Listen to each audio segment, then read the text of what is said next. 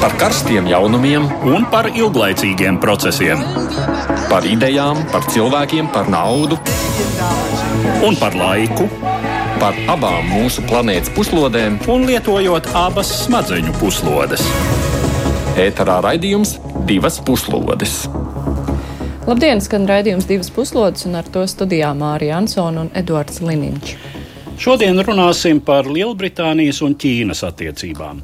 Kārtējo triecienu tām devusi Britu valdība, oficiāli paziņojot, ka aizliedz Britu telekomunikāciju kompānijām piesaistīt Ķīnas informācijas tehnoloģiju gigantu Huawei 5G mobilo sakaru infrastruktūras izveidei Lielbritānijā. Ķīnas un Lielbritānijas attiecības krasi sašķobījās pēc tam, kad Londona asi kritizēja jauno Hongkongas nacionālās drošības likumu, kas patiešām apdraud Hongkongas autonomiju un tās pilsoņu tiesības. Raidījumā runāsim arī par situāciju ar covid-19. Diemžēl pienāk ziņas par kārtējiem slimības uzliesmojumiem Āzijā, Austrālijā, tuvajos austrumos, joprojām tie nepierimst arī ASV, Krievijā un Brazīlijā. Eksperti norāda, ka nav pamata runāt par slimību viļņiem, jo tas rada maldīgu iespēju, ka slimības izplatība var tāpat apsīkt. Dati liecina, ka ne saslimšanas, ne nāves gadījumu skaits pasaulē nav mazinājies. Un raidījumā pievērsīsimies arī nerimstošajiem protestiem Krievijas tālajos austrumos. Aizvadītās nedēļas nogalē Habārovskas ielās iznāca nepieredzēti liels skaits protestētāju, kas izpētīja izteica neapmierinātību ar Kremļa politiku. Ja sākumā Habārovskas iedzīvotāji protestēja pret gubernatora Sergeja Furgala aizturēšanu un tiesāšanu, tad tagad mītiņos arvien vairāk izskan saukļi, kas vērsti pret Krievijas prezidentu Vladimiru Puķinu. Kopā ar mums šodien studijā ir Latvijas transatlantiskās organizācijas ģenerālsekretāra Latvijas Universitātes politikas nodaļa, zinātnes nodaļas pasniedzēja Sigita Stroberna. Labdien! Labdien! Bet sākam kā parasti ar ziņām īsumā. Arvien nemazinās saspīlējums uz Armēnijas un Azerbaidžānas robežas. Kopš 12. jūlija uz tās notikuši vairāki bruņoti incidenti, kas abās pusēs laupījuši dzīvību vismaz 19 cilvēkiem. Pienākušas ziņas par masveidu kautiņiem starp Azerbaidžāņiem un Armēņiem Maskavā un citās Krievijas pilsētās, tādēļ abu valstu vēstnieki Krievijā vērsušies pie saviem tautiešiem ar lūgumu izvairīties no provokācijām un sadursmēm. Armēnijai un Azerbaidžānai ir naidīgas attiecības jau vairāk nekā 30 gadu, kad pārsvarā armēņu apdzīvotais Kalnu Karabahas autonomais reģions paziņoja par atdalīšanos no Azerbaidžānas. Tas izraisīja karu, kurā dzīvību zaudēja aptuveni 35 tūkstoši cilvēku, un vairāk nekā miljons cilvēku abās valstīs bija spiesti pamest savas mājas. Krievija plāno būt pirmā valsts pasaulē, kas jau līdz augusta vidum apstiprinās koronavīrus vakcīnu. Tiesa, arvien pastāv bažas par vakcīnas drošību un efektivitāti, jo Krievija nav veikusi visus vakcīnas izmēģināšanas posmus. Kamēr dažu citu valstu izstrādātās vakcīnas ir izmēģinājumi trešajā posmā, Krievijas vakcīnai vēl jāpabeidz otrā fāze. Izstrādātāji plāno pabeigt šo posmu līdz 3. augustam un pēc tam veikt trešo pārbaudas posmu, bet paralēli to jau apstiprinot publiskai lietošanai un vakcinēt medicīnas darbiniekus. Vakcīnas meklējums finansē Krievijas Krievijas tiešo investīciju fonds. Tā ģenerāldirektors Kirills Dmitrijevs intervijā telekanālam CNN vakcīnas izstrādu un plānoto apstiprināšanu salīdzināja ar Maskavas panākumiem zemes mākslīgā pavadoņa Sputņika 1 palaišanā. Polija nolēmusi uzsākt procedūru, lai izstātos no Stambulas konvencijas, kuras mērķis ir novērst vardarbību pret sievietēm. Polijas valdošā Nacionāla konservatīvā partija Likums un taisnīgums, kas pie varas ir kopš 2015. gada, uzskata, ka Stambulas konvencija neciena reliģiju un uzspiež liberālo vērtību mācīšanu skolās. Valdošajai partijai ir ciešas saites ar valstī ietekmīgo katoļu baznīcu, tāpēc tā par vienu no saviem virsuzdevumiem ir pasludinājusi kristīgo un ģimenes vērtību aizstāvību. Lēmums izstāties no Stambulas konvencijas ir izsaucis protestus Polijā un kritiku Eiropā. Varšavā un vēl vairākās polijas pilsētās pagājušo nedēļu desmitiem tūkstoši cilvēku izgāja ielās, lai protestētu pret valdības plāniem izstāties no Stambulas konvencijas. Turcijas parlaments trešdien apstiprinājis pretrunīgi vērtēto likumu, kas dos valdībai plašākas iespējas kontrolēt sociālos mēdījus. Likums attieksies uz mēdījiem, kuriem dienā ir vairāk nekā miljons apmeklētāju, un saskaņā ar to serveriem, kas uzkrāja turku lietotāju datus, jāatrodas Turcijā. Turklāt tiem jāpakļaujas arī Turcijas tiesu lēmumiem par konkrētu satura dzēšanu, pretējā gadījumā tiem jārēķinās ar bargām soda naudām. Likums arī prasa, lai tādiem sociālajiem mēdījiem kā Facebook vai Twitter Turcijā būtu savu vietējie pārstāvji. Likumprojektu ierosināja valdošā Islāmistu taisnīgumu un attīstības partija, ko atbalsta arī galēji labējā Nacionālās kustības partija.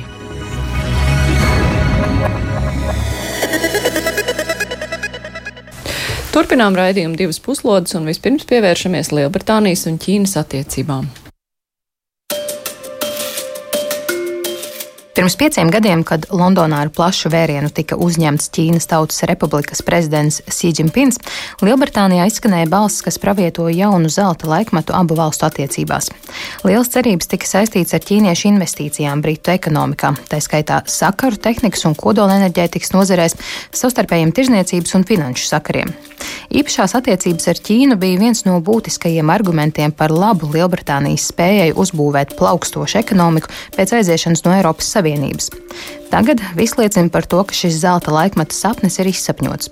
Kārtējais apliecinājums tam bija Boris Džonsona valdības 14. jūlija lēmums aizliegt Britu telekomunikāciju kompānijām iegādāties Ķīnas ražotāja Huawei 5G aprīkojumu un prasība līdz 2027. gadam nomainīt šobrīd izmantoto Huawei aprīkojumu pret citu kompāniju ražojumiem. Tas nenoliedzami ir ASV pūliņu rezultāts, cik tālu prezidentam Trumpam un viņa valdībai Huawei ir kļuvis par galveno Ķīnas totalitārisma slēptās globālās ekspansijas iemiesojumu.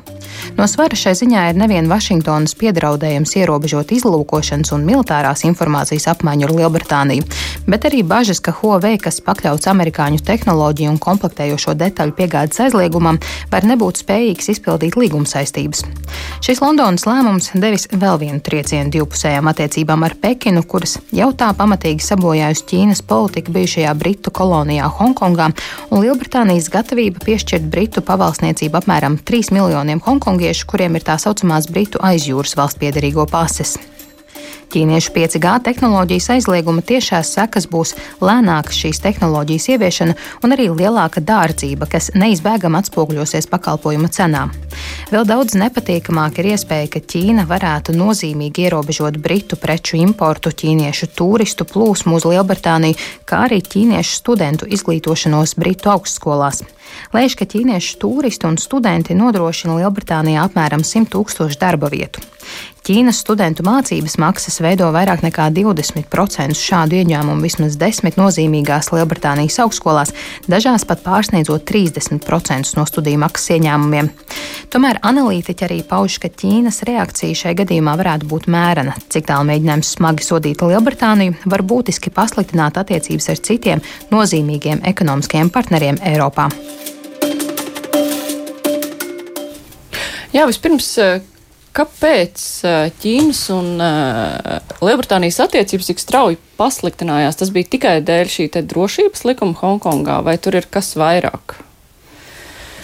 Es domāju, ka mm, šeit šobrīd ir tāda daļēji um, apstākļu sakritība ātrumam, bet uh, pirms tam ir bijušas vis, visas pazīmes, ka tas tā notiks. Jo faktiski par 5G tā nav jauna diskusija. Tas nav parādījies uh, vakar vai, vai pagājušajā mēnesī. Tāpat arī Hongkongas situācija faks, faktiski bija absolūti sagaidāma. Bija pilnīgi skaidrs, ka Ķīna uh, redz, uh, un viņi nekad arī nav teikusi savādāk, Hongkongu kā daļu no Ķīnas, uh, lai ir bijusi šī viena valsts un divas dažādas politikas. Tomēr, uh, tomēr tas jau nav mainījis Ķīnas skatījumu ilgtermiņā. Un uh, bija absolūti sagaidāms, ka jebkāda uh, Lielbritānijas uh, asāka reakcija uz notiekošo Hongkongā varētu izraisīt Ķīnas pretreakciju. Jo faktiski mēs varam runāt par tādu vērtību kopumu, par ap ko tad grozās tā Ķīnas attieksme pret, pret pasauli, un Ķīna vienmēr šai vērtību kopumā iekļaus skatījumu par suverenitāti, teritoriālo integritāti, par um, neiejaukšanos valsts iekšējās lietās, un tikko tas ir jautājums par Hongkongu, tad Ķīna uz to skatās kā uz neie, neiejaukšanos tās iekšējās lietās. Un šajā gadījumā uh, arī attiecīgi Ķīnas amatpersonas reaģēja, uh, sakot, ka tās nav iejaukušās Lielbritānijas iekšējās lietās nekad, un sagaida, ka Lielbritānija arī neiejauksies. Un tas skumjais šai stāstā ir tas, ka es nedomāju, ka arī Lielbritānija ies kaut kur uh, stipri tālāk, uh, ņemot vērā, ka uh, Mm, diez vai kāds ir uh, gatavs iet uz uh, klaju, dziļu, atklātu ar ko konfliktu ar Ķīnu, kurā tāpat Ķīna savu pozīciju nemainīs. Jā, nu, droši vien par tiem būtiskajiem iemesliem rakstīs vēsturnieki apmēram pēc 25 gadiem. Uh, bet um, būtiskie iemesli, par kuriem mēs varam runāt jau šobrīd, ir uh, Ķīnas ekonomiskā īpatsvara pieaugums pasaulē. Līdz ar to arī Ķīnas militārais potenciāls un tehnoloģiskais potenciāls, kas ir nu, desmitām reižu audzis salīdzinot ar to, kas Ķīna bija vēl pirms 30 gadiem. Mm. Uh, un, uh, nu, tas ir tas jautājums, kuru nākotnes vēsturnieki droši vien mēģinās atbildēt, vai Ķīnas totalitārisma raksturs uh, ir būtiski mainījies, nu, teiksim, salīdzinot ar Denas Jaupina ēru, ar postmao ēru, kurā šķita, ka Ķīna pamazām liberalizējoties ekonomiski, grasās liberalizēties arī politiski. Eh, un, eh, vai arī tomēr nu, būtiski nekas nav mainījies, Ķīna vienkārši būdama mazāk ietekmīga, ir bijusi kautrīgāka, rādot savu politisko raksturu un, teiksim, to politisko drakona viepli visai pārējai pasaulē. Nu, kā jau saku, to būtī, būtībā atbildēs nākamo desmitgažu vēsturnieki, bet faktiski tas, kas notiek šobrīd, jā, nu, problēmas, kas ir sāsinājušās, es domāju, arī Zināmā mērā tā ir Ķīnas līdera Ksīdziņpiņa personība, kas to nosaka.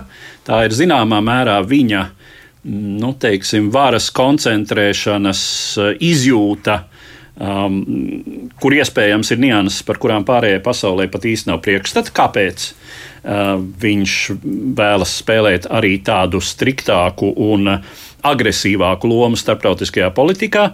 Jo atkal var teikt, pirms uh, Vēl pirms desmit gadiem ļoti daudzi politologi pasaulē uzsvēra to, ka Ķīna, eh, būdama vienmēr, nu, tūkstošiem gadu jau būdama liela, un atsevišķos vēstures periodos būdama vislielākā, visbagātākā un arī militāri un tehnoloģiski visietekmīgākā valsts pasaulē. Nu, piemēram, pirms 500 gadiem tā tas bija. Ja? Tad Ķīna nekad nav bijusi ļoti ekspansīva. Šodien laikam īsti par to vairs pasaulē nerunā. Jo Ķīnas ekspansija ne militāri, bet, bet ekonomiski. ekonomiski un politiski ir vērojama. Un ir vērojama pat Eiropai jau ļoti tuvos reģionos, un pat Eiropas reģionos šur un tur. Ja.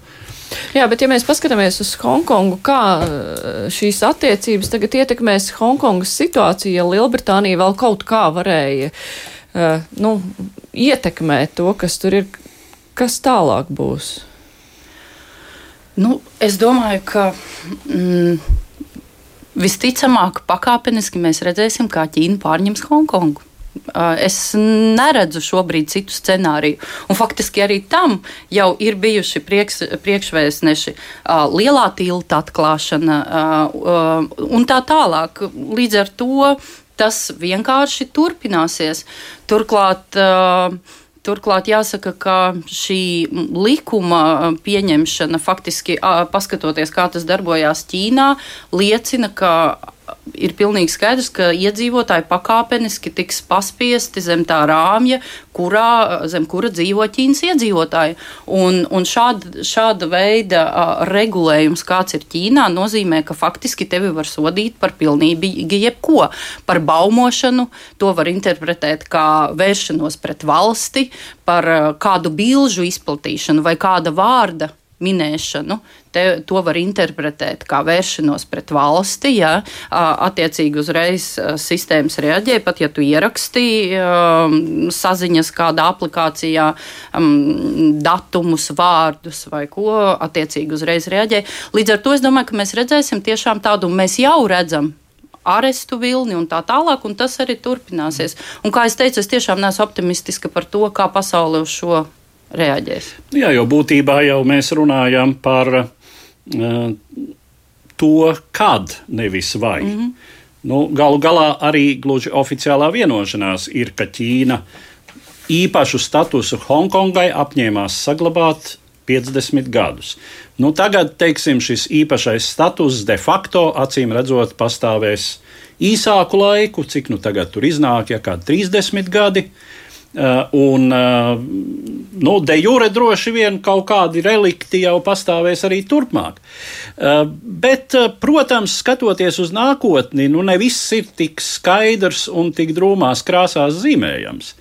Jo, nu, teiksim tā, šie desmiti tūkstoši jaunie, jauno ķīniešu, kas dodas studēt uz Lielbritāniju un arī uz citām Eiropas valstīm, arī uz Savienotajām valstīm, uz Kanādu, uh, Vai tiešām viņi atgriežoties savā lielajā dzimtenē, teiksim, neatnes mājās neko no tā, no tām, teiksim, nebaidīšanās izjūtām, kuras, ar kurām nu, no tās atmosfēras, ar kuru viņi sastopas savā mācību zemēs. Tas, protams, arī nav tā droši atbildams jautājums, ka viņi visi atgriezīsies kā mazi jauki demokrātijas baciļi. Uh, un lielo drakonu ātri inficēs. Tā tas var arī nebūt, varbūt arī pavisam citādi, bet uh, nu, šis jautājums atkal ir tas, par ko mēs uh, pēc kādām desmit gadiem varēsim spriest, kāds iespējas ir bijis. Tomēr ar vien lielākiem kontaktiem, jo Jo atkal jāsaka, nu, Ķīnas gadsimtiem ilga tradīcija ir izolē, izolēšanās no pārējās pasaules. Tajā brīdī, kad Ķīna jūta uh, gadsimtu gaitā, ka to sāk apdraudēt kādi nepatīkami ār, ārēji iespaidi, tā izolējās. Uh, šobrīd īsti tas vairs nav iespējams, uh, un arī Ķīna īsti to negrib, kā redzams. Nu, tad nu, ir jautājums, ja es pieļauju, ka, mm, ka Ķīnas komunistiskā vadība domā, ka tā var. Uh, drīzāk ietekmēt arī šādā veidā apkārtējo pasauli, sūtot savus pilsoņus turp kā ietekmes aģentus. Un kas savāc visu to labāko no turienes. Jā, bet Ķīna. vai tas Jā. īsti tā būs? tas te, ir liels un labs jautājums. Te es gan gribētu, ja drīkst papildināt, ka faktiski um, bez šiem um, mazajiem atsūtītajiem ietekmes aģentiem uh, vēl ir arī citi soļi, kas liecina par to, ka Ķīnas partija šobrīd uh, komunistiskā domā par to, kā reaģēt. Un mēs arī redzam, ka faktiski arvien lielāks uzsvars tiek likts uz to, lai talantīgie ķīnas jaunieši paliktu Ķīnas universitātēs, nevis brauktu projām.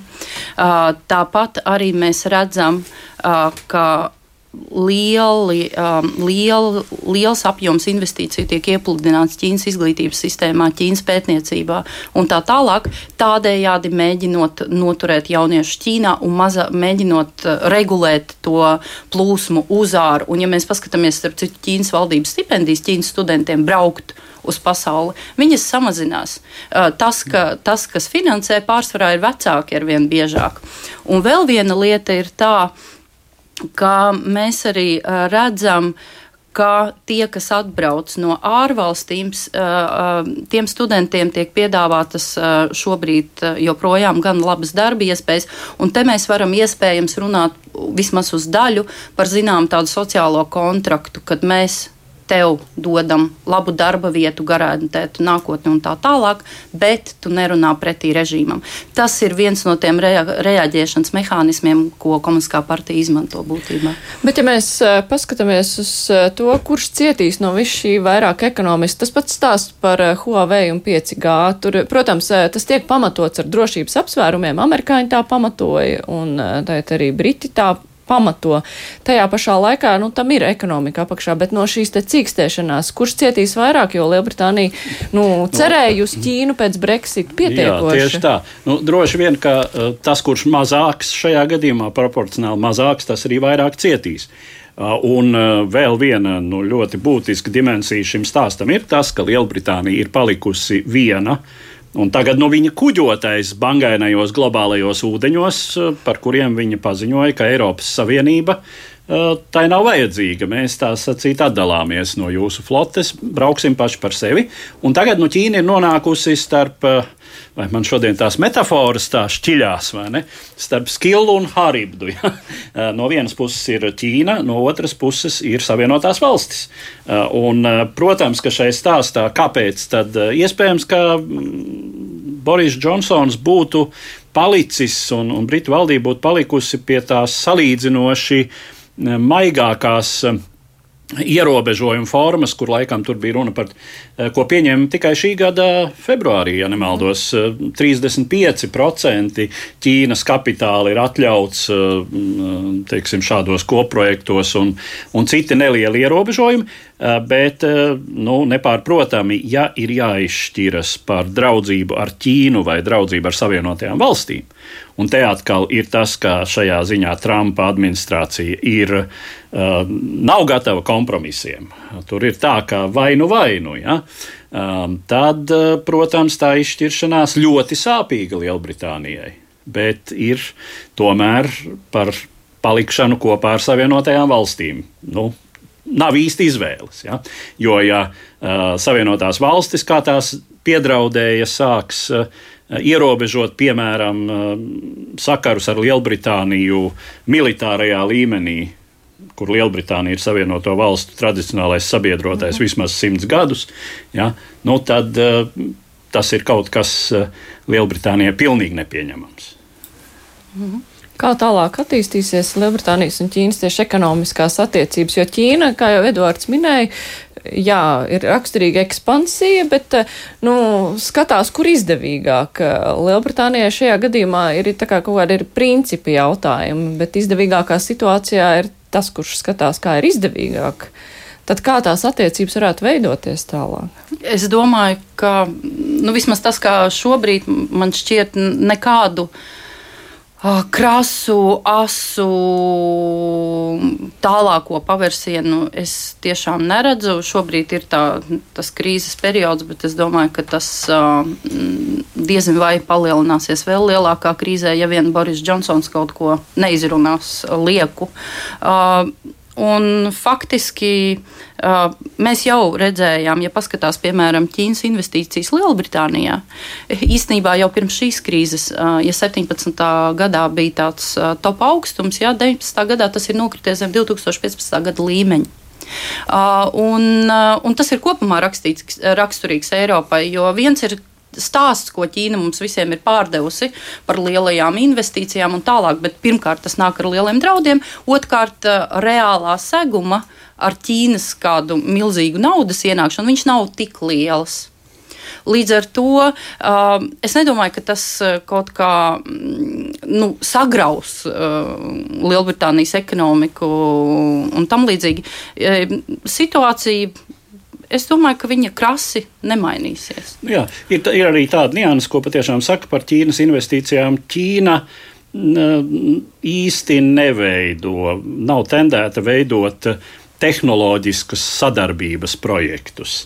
Ķīnai ļoti patīk nopirkt uh, Eiropas tehnoloģiju kompānijas, kur varētu būt kaut kāds know-how, kas tā sacīt slikti piesiets. Eh, bet pamatā Ķīnas investīcijas ir tehnoloģiski mazietilpīgos sektoros - celtniecība, mm, tranzīts, transports, eh, nu, tādas nekustamais īpašums eh, un tādas lietas, kas nu, kas, teiksim, ir, ir, kur šīs investīcijas ir katrā ziņā viegli, aiz, salīdzinoši viegli aizstājamas. Ja? Nu, tā kā te jau ļoti daudz ko noteiks vispār situācija. Mēs īsti nezinām, kā beigsies viss šis stāsts ar pašreizējo pandēmiju, kādā stāvoklī katras valsts ekonomika no tā izkļūs. Ir bažas šai sakarā, ka Lielbritānijā varētu būt daudz biznesu, kuri šīs krīzes rezultātā nonāk pārdodamā situācijā, un tur Ķīna varētu mēģināt iespiesties. Bet mēs arī nezinām, eh, kā Ķīnai izdosies to visu pārvarēt. Bet eh, noslēdzot šo sadaļu, vai eh, viss šī rezultātā Lielbritānija varētu kļūt mazliet piekāpīgāk attiecībā pret Eiropas Savienību? Jo ir jau arī tur jāvienojas. Es pieļauju, ka jā. Es pieļauju, ka ne, neņemos spriest par niansēm, bet es pieļauju, ka uh, Šobrīd nu, par sabiedrību nerunāsim. Teiksim, Lielbritānijas sabiedrība, es domāju, jau sen ir novērtējusi, ka Brexits varbūt nebija tas labākais, ko varēja izdomāt, bet arī teiksim, Britu politiskā elite, es domāju, šobrīd novērtē to, ka pat teiksim, ar, ar izstāšanos no Eiropas Savienības, nu, tomēr tā palikšana Eiropas tūmā, kas arī mm, tiek minēts, ja, ka, ka Ķīna varbūt necentīsies ļoti krasi vērsties ar, ar kādiem nu, teiksim, neproporcionāli smagiem pretsoļiem, tāpēc, ka baidās, ka uzbrūkot šādā veidā Lielbritānijai ekonomiski, reakcija varētu nākt arī no pārējām Eiropas valstīm. Nu, teiksim, tas veido Ķīnas kā ekonomiskā partnera nu, reputāciju. Ja? Un sagraut, sagraut šo reputāciju Vācijā, Nīderlandē, um, kas ir lielākie Ķīnas uh, ekonomiskie partneri Eiropā, nu, to Ķīna laikam tomēr nav gatava riskēt darīt. Jā, interesanti. Jūs pieminējāt tikko Vāciju un Nīderlandi. Starp citu, Lielbritānija, Vācija un Nīderlandi saskaņā ar vienas poļu domnīcas, es tagad neatcerēšos nosaukumu, pētījumu taisni visas trīs bija iesaistīts arī neskatoties uz, uz, uz, uz dažādiem tiem ierobežojumiem, kas attiecās uz tirz, ieroču tirzniecību ar Ķīnu. Tās bija trīs valstis, kas bija iesaistītas zināmā šo noteikumu pārkāpšanā, pārdodot pret preces, ko varētu izmantot arī militā, Ķīnas militārajai attīstībai. Tas ir tāds eh, gana interesants aspekts. Mm. Bet es uh, piekritīšu, ka jā, uh, Ķīna diez vai, kā jau, kā jau pareizi tika norādīts, uh, asi vērsīsies, un noteikti Lielbritānija uh, jau saprot, ka atrodas neapskaužamā situācijā. Mēs redzam arī Lielbritānijā iekšā šo diskusiju, ka faktiski liela Lielbritānijas problēma ir tā, ka Lielbritānija nav skaidrs Ķīnas politikas. Un šai ziņā Eiropas Savienībai tā manā skatījumā ir kaut nedaudz skaidrāka ja, nekā tas ir Lielbritānijai. Un šajā gadījumā Eiropas Savienība būtu varējusi būt lielāks balsts nekā tā ir šobrīd Lielbritānijai. Jā, Labi, bet mēs turpināsim ar Covid-19 izplatību pasaulē. Pēc tam, kad pēdējos mēnešos daudz vietā pasaulē pandēmijas situācijas vērtējumā dominēja optimistiski toņi, valdībām atslābinot ierobežojumus un cenšoties atgriezt dzīvi normālās sliedēs, pēdējās dienās satraucoši signāli pienāk no vairākām valstīm, kurās vīrusu izplatība šķita sekmīgi apturēta. Otradien ar brīdinošu paziņojumu nāca klajā Hongkongas izpildvadītāja Kerija Lem, norādot, ka ikdienas inficēšanās gadījumu skaits kopš mēneša sākuma ir desmitkāršojies un slimnīcām draud pārslodzi. Autonomijas administrācija aizliegusi jebkādu sabiedrisko ēdināšanu telpās un noteikusi obligātu sejas masku valkāšanu. Rekordaugs inficēšanās gadījumu skaits pirmdien tika fiksēts Austrālijā, kur infekcijas uzliesmojums skārs Viktorijas provinci. Jauns saslimšanas gadījumu skaita kāpums sasniedzot un pārsniedzot agrāk šogad fiksētos rādītājus, pēdējās nedēļās vērojams arī Japānā, Izrēlā un Irānā. Slimības izplatība turpinās Brazīlijā, Krievijā, Indijā, Dienvidāfrikas Republikā, Argentīnā un daudz viet citur, arī Savienotajās valstīs, kur sevišķi strauji izplatība vērojama valsts dienvidrietumos. Arī Eiropā, kas bija noskaņojusies turistu plūsmas atjaunošanai, pēdējās divās nedēļās bijis vērojams strauji saslimšanas gadījumu skaita pieaugums Spānijā, samērā mazāks Vācijā, Francijā un Beļģijā. Tas viss liek izskanēt viedokļiem par pandēmijas otro vilni. Tomēr, kā norāda eksperti, otrā viļņa jēdziens ir drīzāk politiķu un žurnālistu radīts, kam maz sakara ar epidemioloģisko realitāti. Kā publikācijā populāra zinātniskajā tīmekļa resursā The Conversation pirms mēneša norādīja Amerikas Universitātes sabiedrības veselības profesore Melis Hokinsa, epidēmijas viļņu koncepts ir lielā mērā maldinošs, jo rada ilūziju par vīrusu izplatības apsīkumu. Faktiski statistika liecina vienīgi par nevienmērīgu vīrusu izplatīšanos. Vienas teritorijas un sociālās grupas apturot ātrāk, citas vēlāk. Arī pašreizējās pandēmijas globālajā izplatībā nav bijis vērojams jebkāds atslābums. Pasaulē kopumā kā saslimšanas tā nāves gadījumu skaita līkne bijusi nepārtraukti kāpjoša. Jūnija sākumā globālais inficēšanās gadījumu skaits sasniedza 5 miljonus, un pagāja 38 dienas, līdz tas dubultojās līdz 10 miljoniem. Savukārt pieaugums par nākamajiem 5 miljoniem notika vien 24 dienu laikā. Divas puslodes.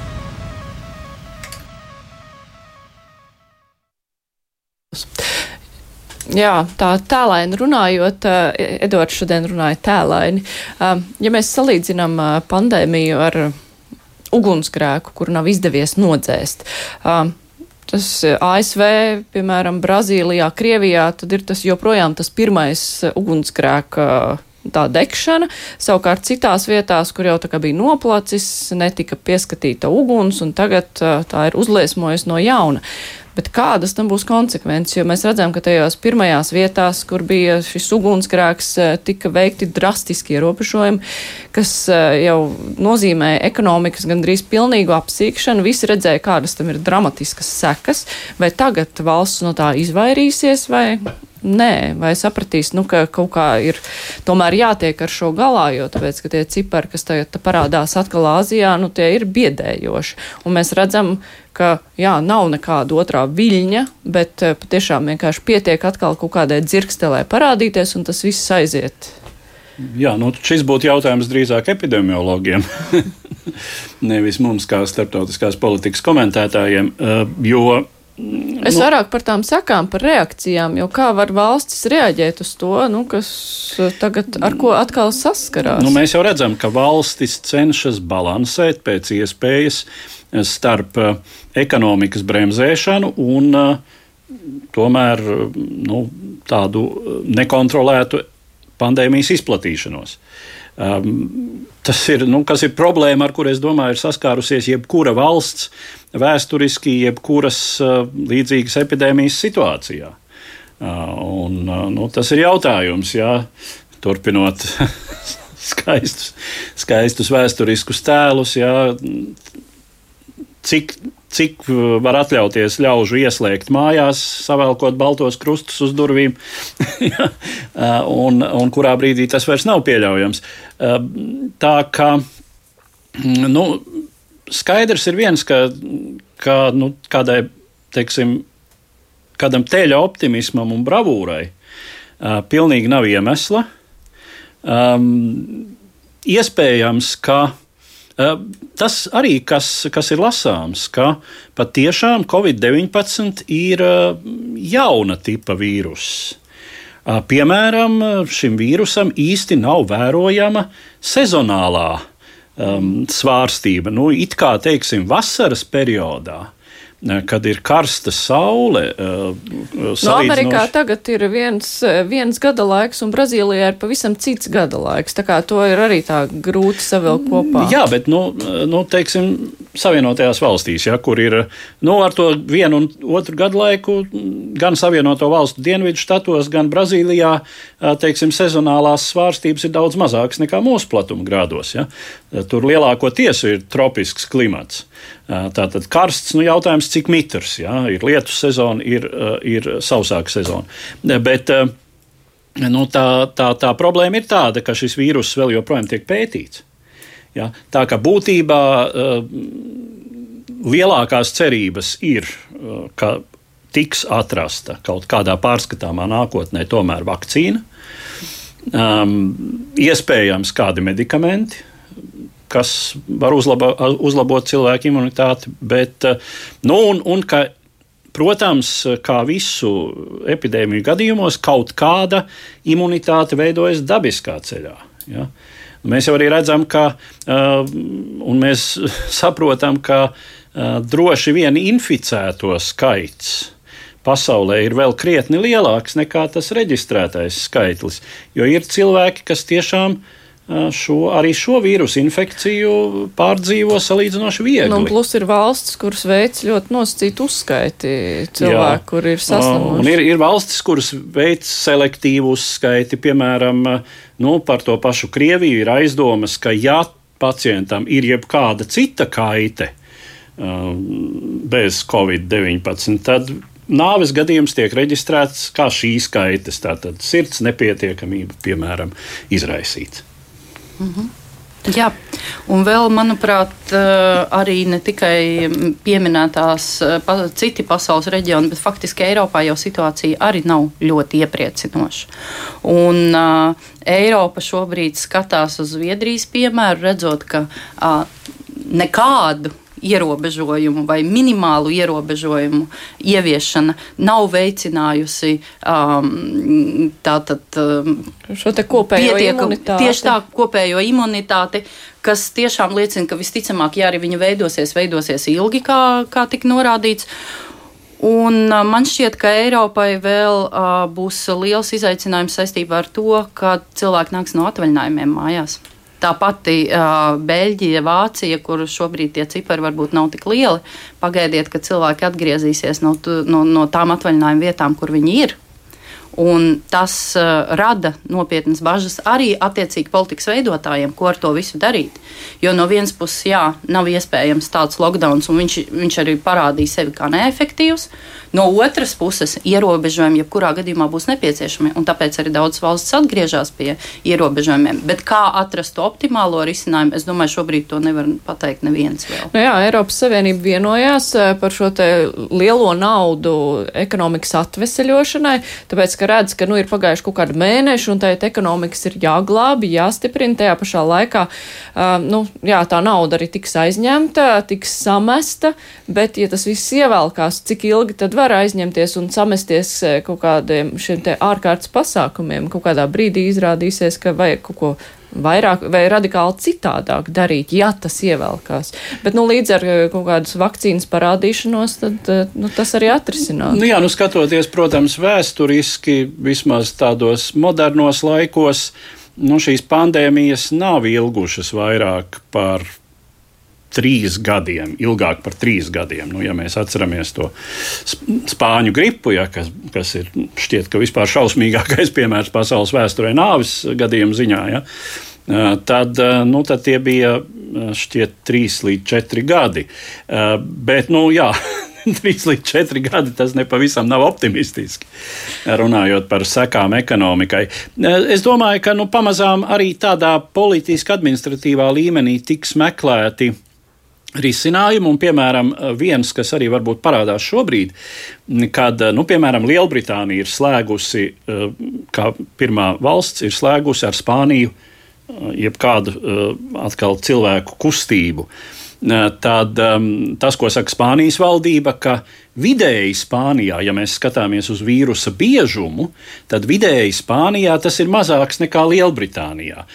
Lielo uzrāvienu rada atsevišķi reģioni. Tas ir šajā gadījumā Spānijas ziemeļaustrumi, nu tātad Katalonija um, un tai piegulošie rajoni. Un acīm redzot, uh, Um, respektīvi, iespējams, ka ir jādomā par ierobežojumiem nevis starp valstīm, uh, un ka nākotnē varbūt nevis nacionālo valstu robežas kļūs par tām kontrolas līnijām. Nu, piemēram, tā kā Baltija savukārt lielā mērā koordinējās savā starpā. Ja, un, un pie pirmās iespējas vispirms atcēla um, ierobežojumus starp Baltijas valstīm. Iespējams, ka nākotnē Baltijas valsts vispār varētu darboties kā viens vienots veselums šai ziņā, nu, tad savukārt, teiksim, Spānijai ir jāskatās, vai savu teritoriju nesadalīt ierobežojumu ziņā mazākās vienībās. Tā pavisam īsi noslēdzot šo sadaļu savukārt, uh, nu, ir, tās, uh, ir dažādas valsts izmēģina vakcīnas. Krievija ir paziņojusi, ka viņiem būs vakcīna pirmajiem. Vēl nepārbaudītā, bet tā dzīšanās būt pirmajam, tas ir goda vai naudas jautājums vairāk? Tradīcijas jautājums. Sunīt pirmo uzšāvām kosmosā, pēc tam Gagārinu. Un ka, ja ne savādāk, tad mēģināsim tas nozagt var... vakcīnu. jā, jā? Vai, vai, vai viņš dzīves pēc tam nonāk lejā, tas sunīts, tas ir cits jautājums. Jā. Bet galvenais ir būt jā. pirmiem. Nu labi, mēs arī ar Krieviju turpināsim. Habārovskas novads aptver apmēram trešdaļu no Krievijas federācijas tālo austrumu teritorijām, atrodoties apmēram 6000 km attālumā no galvaspilsētas Maskavas. Protesti, kas jau trešo nedēļu satricina novada centru Habārovsku un vairākas citas pilsētas, sākās pēc tam, kad 9. jūlijā Krievijas izmeklēšanas komitejas darbinieki arestēja un nogādāja Maskavā novada gubernatoru Sergeju Furgalu. Viņam inkriminēja līdzdalību vairāk uzņēmēju slepkavībās 2004. un 2005. Gadā, kad Furgals darbojās metālūžņu savākšanas un kokmateriālu tirzniecības biznesā. 2007. gadā viņš tika ievēlēts Krievijas valsts domē no Vladimira Žirinovska vadītās Liberāla demokrātiskās partijas un kā šīs partijas kandidāts 2018. gadā startēja Habārovskas novada gubernatoru vēlēšanās. Pārsteidzošā kārtā viņš pārspēja savu sāncensi partijas vienotā Krievija pārstāvu un līdz tam novada gubernatora amatā bijušo Vjačeslavu Športu. Ievēlēts teju vai netīšām protesta balsojuma rezultātā Sergejs Furgals pagājušajos pāris gados pratis iekarot novada iedzīvotāju simpātijas, tāpēc viņa arestu un attiecīgi atcelšanu no amata novadā uztver kā augstprātīgās un despotiskās centrālās varas spļāvienu sejā. Jau pirmajā protestu dienā, 11. jūlijā, Habārovskā tajos pulcējās vairāki desmiti cilvēku. Kopš tā laika protesta akcijas, mītiņu un gājienu pa pilsētu notiek ikdienas. Sociālos tīklos izvērtusies kampaņa Es esmu, mēs esam Sergejs Furgals. 18. jūlijā pirmās atbalsta akcijas notika ārpus Habārovskas novada Vladivostokā, bet 25. jūlijā jau vairākās Sibīrijas un Krievijas tālu austrumu pilsētās, kā arī Maskavā. Kad 20. jūlijā Furgals tika atcelts no amata un par gubernatoru pienākumu pagaidu izpildītāju iecelts cits liberāla demokrātiskās partijas politiķis Mihails Ģekķerjovs, akcijās parādījās lozungi atstādināt Putinu. Līdz šim visas akcijas noritējušas mierīgi, un arī vara, ja neskaita dažas aizturēšanas un vienu administratīvo arestu uz astoņām dienaktīm, nav aktīvi vērsusies pret protestētājiem. Tad tā pavisam īsi var raksturot, kāpēc pret uh, viņu vērsās. Uh, tev nebūs būt populārākam par caru. Nu, tas varētu būt viens no motīviem, jā, jo tas tiek minēts, ka Furgala uh, rezultāts vietējās gubernatora vēlēšanās bija labāks nekā Putinam pēdējās prezidenta vēlēšanās. Nu, jā, arī komentāros, eh, nu, palasot eh, Krievijas eh, portālus, nu, tur ir tā, nu, ka, jā, ka viņš pārsteidzošā kārtā arī ir izdarījis vairāk, pamanījies izdarīt vairāk nekā nu, tā tādam ierindas palēkam gubernatoram vajadzētu un ir kļuvis jā, pārāk populārs. Nu, populārs, jā, bīstams, bīstams uh, droši vien vienotajai Krievijai un visdrīzāk uh, vietējai elitei, lai kas tā arī nebūtu, kas ap šo vienoto Krieviju koncentrējas. Mm. Un tur, manuprāt, ir vēl viens, par ko arī runā Krievijas portālos, ir tas, ka tas ir signāls ne tikai šim vienam gubernatoram, bet tas ir signāls arī opozīcijai par to, ka tev nebūs būt īstai opozīcijai. Tev būs būt tai opozīcijai, ieeļotajā mehānismā, kas līdz šim ir labi darbojies uh, Putina labā. Un faktiski tagad ieliekot to pašu LDPR, kuru nemīl tauta un nemīl, pārējie turpat, tad tas arī ir signāls no LDPR. Tagad arī tiec galā ar, esot kā opozīcija, ar to problēmu, kas tur ir. Tāpēc tur ir divējādi, divi šie signāli, kas nāk no Kremļa. Un vēl viens, par ko runā arī Krievijas analītiķi, ir tas, ka faktiski šis ir parādījis, ka mm, Kremļa reakcija mm, gan uz protestiem, uh, gan uz. Uh, uz opozīcijas darbībām ir kļuvusi um, asāka, robustāka, bez um, tādas cimperlēšanās vai spēlēšanās. Uh, Un tad, attiecīgi, mēs redzam arī šos rezultātus. Bet tas eh, nākamais eh, ģekķeraus, kurš tika ielikts, eh, nu, ir, viņš nu, savā ziņā izskatās kā parodija par gubernatoru. Tas nozīmē, ka Žirinovska partija parāda, ka mēs darbojamies šajās ieeļotajās sliedēs, mēs neko nepārkāpjam. Nu, vispirms jau viņš ir tikai Nu, viņš pienākumu izpildītājs, jā, bet nu, viņš ir tajā vietā. Nu, jā, kurš, kurš šajā gadījumā izpilda droši vien amortizātora vai, vai tā sacīt starplikas lomu, kurām būs jāņem uz sevi visdrīzāk tiešām jā, tautas neapmierinātības un naida un nepatikas lādiņš, jo, nu, protams, pēc viņa ierašanās tur viņam Viņu sagaidīja ar lozungiem, biļete, čemodāns, uh, un kur tur viņu sūtīja. Negluži atpakaļ uz Maskavu, samāru laikam, neskapēc. Bet viņš savukārt paziņoja, ka iziešana pie piketētājiem tā būtu necieņas izrādīšana sev un Putinam. Bet mums ir iespēja noklausīties uh, sarunu ar laikrakstu Novai Gazeta žurnālisti Irinu Tumakovu, kur uh, pastāstīs, kā Krievijā uztver visu šo situāciju. Kādi viedokļi Krievijas sabiedrībā pastāv par to, vai Furgala kungs ir vainīgs tajos noziegumos, kurus viņam inkriminē, un kādi ir varas motīvi šādi rīkojoties pret viņu? Вы знаете, я думаю, что в России, в обществе вообще э, об этом сильно не думают. Manuprāt, Krievijas sabiedrībā kopumā par to īpaši nedomā. Sabiedrība principā starp tiem, kuri par notiekošo zina, vienkārši atbalsta Habārovskiešus, kuri ir sev ievēlējuši gubernatoru. Tas, kā tas notika, Krievijā nebija pieredzēts laikam gan kādus 20 gadus. Daudzus gadus mums būtībā nebija iespējas, un arī joprojām nav iespējas ievēlēt to, kur mēs gribam.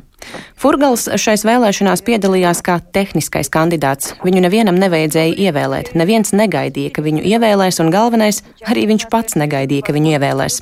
Viņš nerīkoja nekādu priekšvēlēšanu kampaņu, viņam nebija štāba, nebija budžeta, netika drukāts nekādas skrējlapas. Kampaņas laikā viņš vispār aizbrauca ārstēties uz Vāciju. Cilvēki par viņu nobalsoja vienkārši paužot protestu. Vieni kā ierasts balsoja par to, kuru lika priekšā Maskava, tas ir par esošo gubernatoru sportu, savukārt citi ar protestu motīvu balsoja par dažādiem kandidātiem, kuri praktiski visi bija tehniskie kandidāti. Bet iznāca tā, ka tehniskais kandidāts Furgals savāca tikpat balsu, cik esošais gubernators sports, bet apsteidza viņu par kādām procenta simtaļām. Tas nozīmēja otro kārtu. Esošajai varai tas bija šoks. Furgalam uzstājīgi ieteica savu kandidatūru atsaukt, viņš pat vispār arī sliecās uz šo atsaukšanu, bet tomēr pārdomāja un otrajā kārtā uzvarēja jau ar graujošu rezultātu apmēram 80%. Tātad viņa vēlēšanu rezultāti bija labāki nekā Putinam, un vara tur vairs neko nevarēja darīt. Habārovskieši bija izdarījuši savu izvēli. Normālai valstī tas varbūt skan savādi, bet Krievijai tas bija pārsteidzoši. Tas bija kaut kas jauns. 2018. gada vēlēšanās tā notika tikai trīs Krievijas reģionos. Tālāk notika vēl pārsteidzošāka lieta. Viņš izrādījās labs gubernators. Habāros kā viņu patiešām mīl, tāpēc visa pārējā valsts tam seko vienīgi ar tādu interesi, ka cilvēkiem ir izdevies izdarīt izvēli, bet tagad šī izvēle viņiem rupji, truli, pretēji visām likuma normām tiek atņemta. Грубо, тупо, вопреки всем, на минуточку, нормам закона, отняли. Habarovskā notiekošajā daži saskata apliecinājumu pārmaiņām Krievijas politiskajā realitātē. Saka, ka tā esot slikta ziņa Puķinam. Тревожный звоночек. Тревожный Да, звонок. да, да, да, да. Да, но я так не думаю. Jā, ka tas ir brīdinājuma zvans. Es tā nedomāju. Viss, kas notiek Habārovskā, ir ļoti lokāli. Cilvēki vienkārši grib taisnīgumu atjaunošanu. Cilvēkus ir satricinājis netaisnīgums, satricinājusi uzspļaujošā attieksme un tas, ka viņiem ir atņemta cerība. Ar Furgalu viņiem saistījās noteiktas cerības, kādas tās bija Padomju Savienībā 80. gadu beigās vai Krievijā 90. gados. Citi reģioni uz to var skatīties, bet tikai skatīties ar tādām vai citādām emocijām, ar bažām, ar skaudību. Diezin vai šie protesti pārsniegs Habārauskas novada vai lielākais tālo austrumu reģiona robežas. Pie tam, diemžēl, protestētājiem nav nekādas pozitīvas programmas. Viņi prasa neiespējamo - atdodiet mums atpakaļ furgalu, un pēc tam sāka pieprasīt atlaist Putinu. Neviens ne otrs, kā mēs saprotam, nav iespējams. Tas nozīmē strupceļu. Vai nu šis protests izčākstēs pats no sevis, ir karsti, ar vien mazāk cilvēku turpinās iziet ielās, un tas viss pats no sevis apdzisīs. Šķiet, ka tieši uz to arī cer vara. Vai nu arī šie protesti radikalizēsies un dos iemeslu tos izdzenāt, vai arī tos sāks izdzenāt bez iemesla, un visi jau ir normāli cilvēki, visiem ir ģimenes, neviens negrib tikt piekauts, un tā tas viss beigsies. Es neredzu šim protestam kādas perspektīvas. Es, protams, nevaru izteikties par kādām politiskām sekām, taču tas, ko es šobrīd redzu, rezultāts pilnīgi noteikti būs viens. Cilvēki to neaizmirsīs. Pat ja protests noplaks, vai arī to tā vai citādi likvidēs, vai arī cilvēkus izdosies kaut kā pārliecināt. Pie jaunā gubernatori ir ieradušies polittehnologi, lai ar to īpaši nodarbotos. Taču nākošajās vēlēšanās neviens kandidāts, kuram būs kaut Maskavas ēna aiz muguras, neuzvarēs. Viņi var uz turieni sūtīt liberālu demokrātu, var sūtīt kaut vēlnu piestā, bet viņš zaudēs. Šo uzspļaušanu cilvēku izvēlei viņi nepiedos. Наплевательство по отношению к их выбору не простят. Bet kāda ir Kremļa taktika šajā gadījumā? Nu, tagad viņi skatās, nu, kamēr protesti ir tā vairāk vai mazāk, nu, tajā parastajā līmenī neko īpaši nedara, nu, tur padzenāt cilvēkus, bet tādi radikāli pasākumi nenotiek, jo tur jau arī nav tāda īsta līdera, kas to visu organizē, un tas ir tas nomierinošais no Kremļa puses. Es gribētu teikt, ka Kremļa taktika ir improvizācija šajā gadījumā. Um, es domāju, nu, te, te jau uzreiz prasās salīdzinājums ar to, ko mēs vērojām Maskavā, Maskavas uh, pilsētas uh, likumdevēja vēlēšanu sakarā. Tad bija šie protesti, kur, pret kuriem vērsās brutāli. Uh, iesaistīja lielus Krievijas gvardes un policijas spēkus un speciālo uzdevumu, to spe policijas specuzdevumu vienību, OMON, ja, zināmo. Un pēc tam bija uh, nemazāk brutāla un, teiksim, arī lielā mērā komiska, nu, traģikomiska tiesāšana par, par nacgvardista teju vai sakropļošanu, iesviežot viņam ar papīra glāzīti, nu, vai katrā, katrā ziņā viņa goda un cieņas aizskaršanu. Tad, lūk, šeit pagaidām nekas tāds nav vērojams. Un iemesli varētu būt vairāki. Nu, tas, ko jau arī kolēģe teica, ka varbūt tas ir atdots, tā sacīt, zināmā mērā Žirinovska partijai, nu, lai, lai izstrēbī ko ievārījuši. Tas varētu būt viens. Otrs, Nu, Habārovska tiešām ir tālu no Maskavas. Nu, varbūt arī saprot, ka, nu, kā žurnālisti teica, tam nav īsts perspektīvas. Nu, patrakos, patrakos cilvēki nogursies mājās, un arī neviens jau, nu, visi zina, ka pēc laika arī var parādīties kaut kādus tur aktīvākiem krimināla lietas par kaut ko, un neviens jau arī negrib īpaši nepatikšanas. Nu, faktiski, mm, jā, man šķiet, ka Kremlis neredz to kā nopietnu apdraudējumu, ka tā ir reģionāla problēma, kas, kas kaut kādā veidā atrisināsies. Ir zināma deva šai improvizācijai, jo faktiski tagad Peskova izteikumi pēdējās divās dienās, jā, tur re, tagad ir pievienojušies ārvalstu kaut kādi aģenti, bet mēs jau nesakam, ka viņi izraisīja šo. Nu, tas atstāja iespēju kādā brīdī arī reaģēt uz ārvalstu aģentiem. Nebūs vajadzības, mēs nereaģēsim uz ārvalstu aģentiem. Tā tad tiek atstāta tāda vieta improvizācijai, bet vienlaikus tas netiek uztverts ārkārtīgi nopietni. Un faktiski, ja mēs paskatāmies vairums Krievijas sabiedrības citos reģionos, tik un tā no vienas puses it kā emocionāli jūt līdzi tie, kas zina par to, kas notiek. No otras puses, viņi nav gatavi paši iet ielās, viņiem nav līdera. Uh, Un, un arī jā. nav šī. Nu, jā, bet tas, ļoti, ļoti tas, ko es, jā, tas, ko es gribēju teikt, tālu no Maskavas, tam ir arī ekonomiskā komponente. Mums šeit nav laika ar to nodarboties. Es pieļauju, ka Kremlī ir palaiduši diezgan daudz ko garām no tā, kas šobrīd notiek tālajos austrumos. Uh, un tas varētu būt iemesls, kāpēc uzmanīgi pašreiz, bez straujām kustībām. Jā, un mums arī būs jāsako, kas tur tālāk notiek. Es saku paldies. Mūsu studijā šodien bija Latvijas transatlantiskās organizācijas ģenerālsekretāra, Latvijas Universitātes politikas zinātnes nodaļas pastiedzēja Sigita Strūberga, arī Eduards Liniņš un es Mārija Ansone. Vislabāk! Divas puslodes! Šis bija raidījuma atkārtojums.